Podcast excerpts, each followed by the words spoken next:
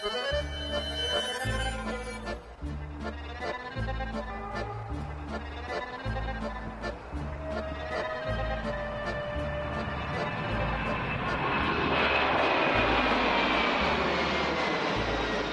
de zomer van 2014 verhuis ik met mijn gezin voor bijna twee maanden naar tropisch Curaçao.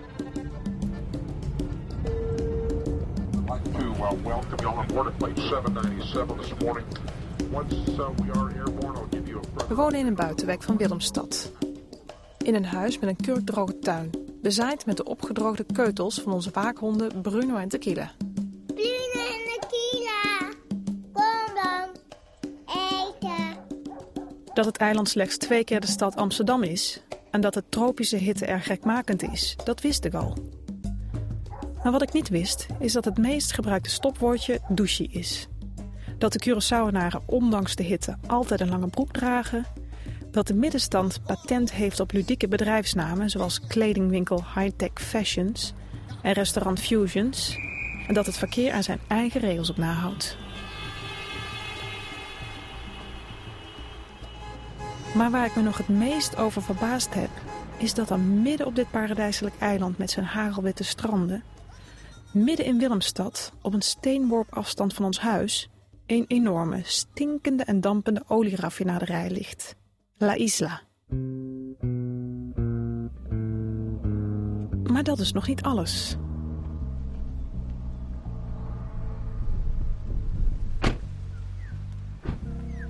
Hier kunnen ze het meer beter zien. Dus als je ziet uh, het water, dat is de van de... Mijn naam is Edgar Leito. Ik ben uh, uh, in 1937 geboren, dus ik ben op dit ogenblik ben ik 78 jaar. Ik heb 40 jaar gewerkt bij de raffinaderij. Leito werkte 40 jaar bij de raffinaderij en kent zijn voor toeristen verstopt uitkijkpunt van waar we het terrein van de olieraffinaderij goed kunnen overzien. Nou, hier is de, hebben wij de berg, die is uh, de hoogste punt van deze regio. En daarom kunnen wij de, de oppervlakte compleet van de asfaltmeer zien, zodat je een beter beeld krijgt van het asfaltmeer. Wat ik zie doet mijn mond openvallen. Ingeklemd tussen woonwijken, raffinaderij en het azuurblauwe binnenmeer van Willemstad ligt een verlaten lap grond bedekt met gitzwart asfalt. In de volksmond heet het het asfaltmeer. De meer is ongeveer 62 uh, hectare. Ja, zeg maar, voetbalvelden rekenen we meestal, hè? Dus 62, 62 voetbalvelden. En het is uh, ongeveer tussen de 2 en 3 meter diep.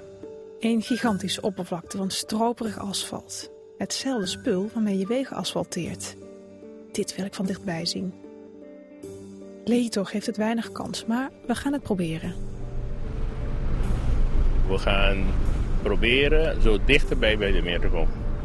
En nu gaan we richting de ingang van de meer. We rijden naar een ingang die streng bewaakt wordt door twee gespierde gasten met grote zwarte zonnebrillen. Hun twee waakhonden nemen hun werk uiterst serieus.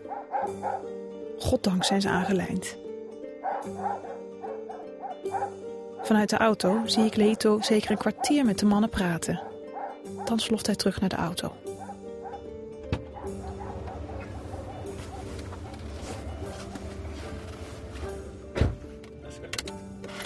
Het is gelukt.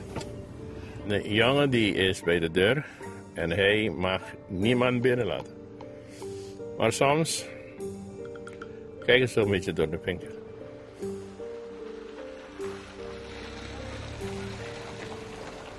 Stapvoets rijden we over het smalle stofweg. Een dijkje met aan weerskanten een iets lager gelegen uitgestrekte pikzwarte massa. Met de zon kun je zien, er zijn plaatsen die gewoon droog is. En er zijn plaatsen die je kunt echt zien, een beetje olie, en dat is die teer. Ja. Dus ik hoop nu krijg je een, een beetje kijk op de totale meer. Wat een absurde plek is dit. De zwarte massa lijkt net een levend organisme, dat met een onstilbare honger alles wat erin vast komt te zitten opvreet. Hier en daar steken metalen vaten, vogels en hele bomen uit de smurrie. Kijk, als ik hem met mijn vingeren duw, dan kun je ermee boetseren.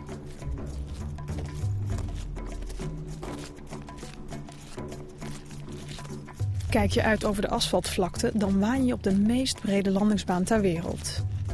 Maar hier zal geen vliegtuig kunnen landen, want het asfalt golft en bobbelt als vers gestolde lava. En als ik nu door mijn knieën zak, dan zie je allemaal plasjes. Ik denk dat het teerzee is of zo. Echt helder groen en helder blauw. Als je op dat meer loopt, dan aan de ene kant krijg je olie, aan de andere kant krijg je een beetje teer en aan de andere kant een beetje smeerolieachtige ding. Zo moet je dat eh, zien. Dus sommige plekken kun je vastpakken, dat is vloeibaar. Ja, je, kunt, je kunt het vastpakken. Er zijn plaatsen waar het vloeibaar is. Nou, dan word je er gewoon vies van. Maar er zijn stukken dat je gewoon brokkenstukken kunnen uithalen. En, het, en het ruikt niet. Nee, het ruikt helemaal niet. Nee, maar dit is dan zeker niet na 100 jaar. Ja, leuk zo'n postmodernistisch plaatje in je achtertuin. Maar het blijft natuurlijk wel één grote giftige bende. Waar, naar het gerucht gaat, nog steeds gif in gedumpt wordt. Wie liet die troepje dan ook achter?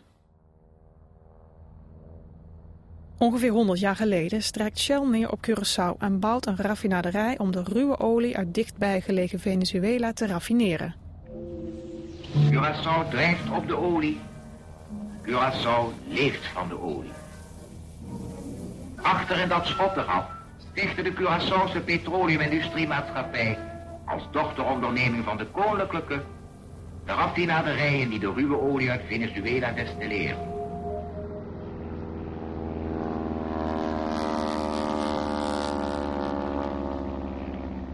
Dan breekt de Tweede Wereldoorlog uit. I have nothing to offer but blood, toil, tears, and sweat. En hebben de geallieerden behoefte aan veel lichte brandstof voor hun vliegtuigen. Dus gasoline was het meeste belangrijke product van de raffinaderij. En ze wisten niet op dat moment wat ze met het zware gedeelte eh, doen. En toen hebben ze een dam van 3,5 meter gemaakt. En in dat gat eh, hebben ze die asfalttroep ingestort. Zie daar, het asfaltmeer.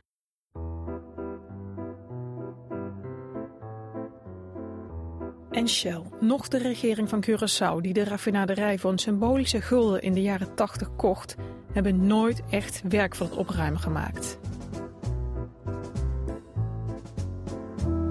Ja, als Curaçao, daar heb ik pijn in mijn hart om al dit soort verhalen een paar keren te repeteren terwijl het niet nodig was. Het gezicht van Curaçao is deze troep. Dat kan toch niet? De olieraffinaderij heeft lang ongestraft het eiland kunnen vervuilen. Maar Leito heeft het van dichtbij gezien en wil daarom zijn eiland nu wakker schudden. Dus drukte hij pamfletten en deelde ze uit in de volksbuurten van Willemstad. Hij huurde speakers en reed ermee door diezelfde buurten waar zijn verhaal door de straten schalde. Hij verkocht zelfs drie van zijn auto's en kocht ermee een eigen radiostation op de lokale radio. Maar Curaçaoenaren overtuigen van de zaak is niet makkelijk. Een van de grootste problemen is nu op Curaçao is dat de meer voor een heleboel mensen is een reliquie. En dat is de moeite nu dat we hier hebben op Curaçao, omdat de meeste mensen in feite eh, voor hun, eh, ze kunnen Curaçao niet zien zonder de meer. En als je op argumenten gaat, heb je soms mensen die zeggen van ja, ik ben, ik ben groot geworden, ik heb goed gestudeerd. En mijn vader heeft altijd bij de isla gewerkt. Dus het zit goed in de roots hier. En dat is een van de grootste problemen. Gelukkig begint zijn boodschap te beklijven en liep hij bij de laatste door Leito georganiseerde demonstratie maar liefst 5000 eilandbewoners mee. En Leito droomt van een asfaltmeer dat verandert in een groene zone aan azuurblauw water, waar mensen prettig wonen en waar Shakira kan optreden in een gigantisch nieuw poppodium. Voor mij, dit is de mooiste plaats op het eiland. En het gezicht van de stad. En daar moeten wij iets aan doen.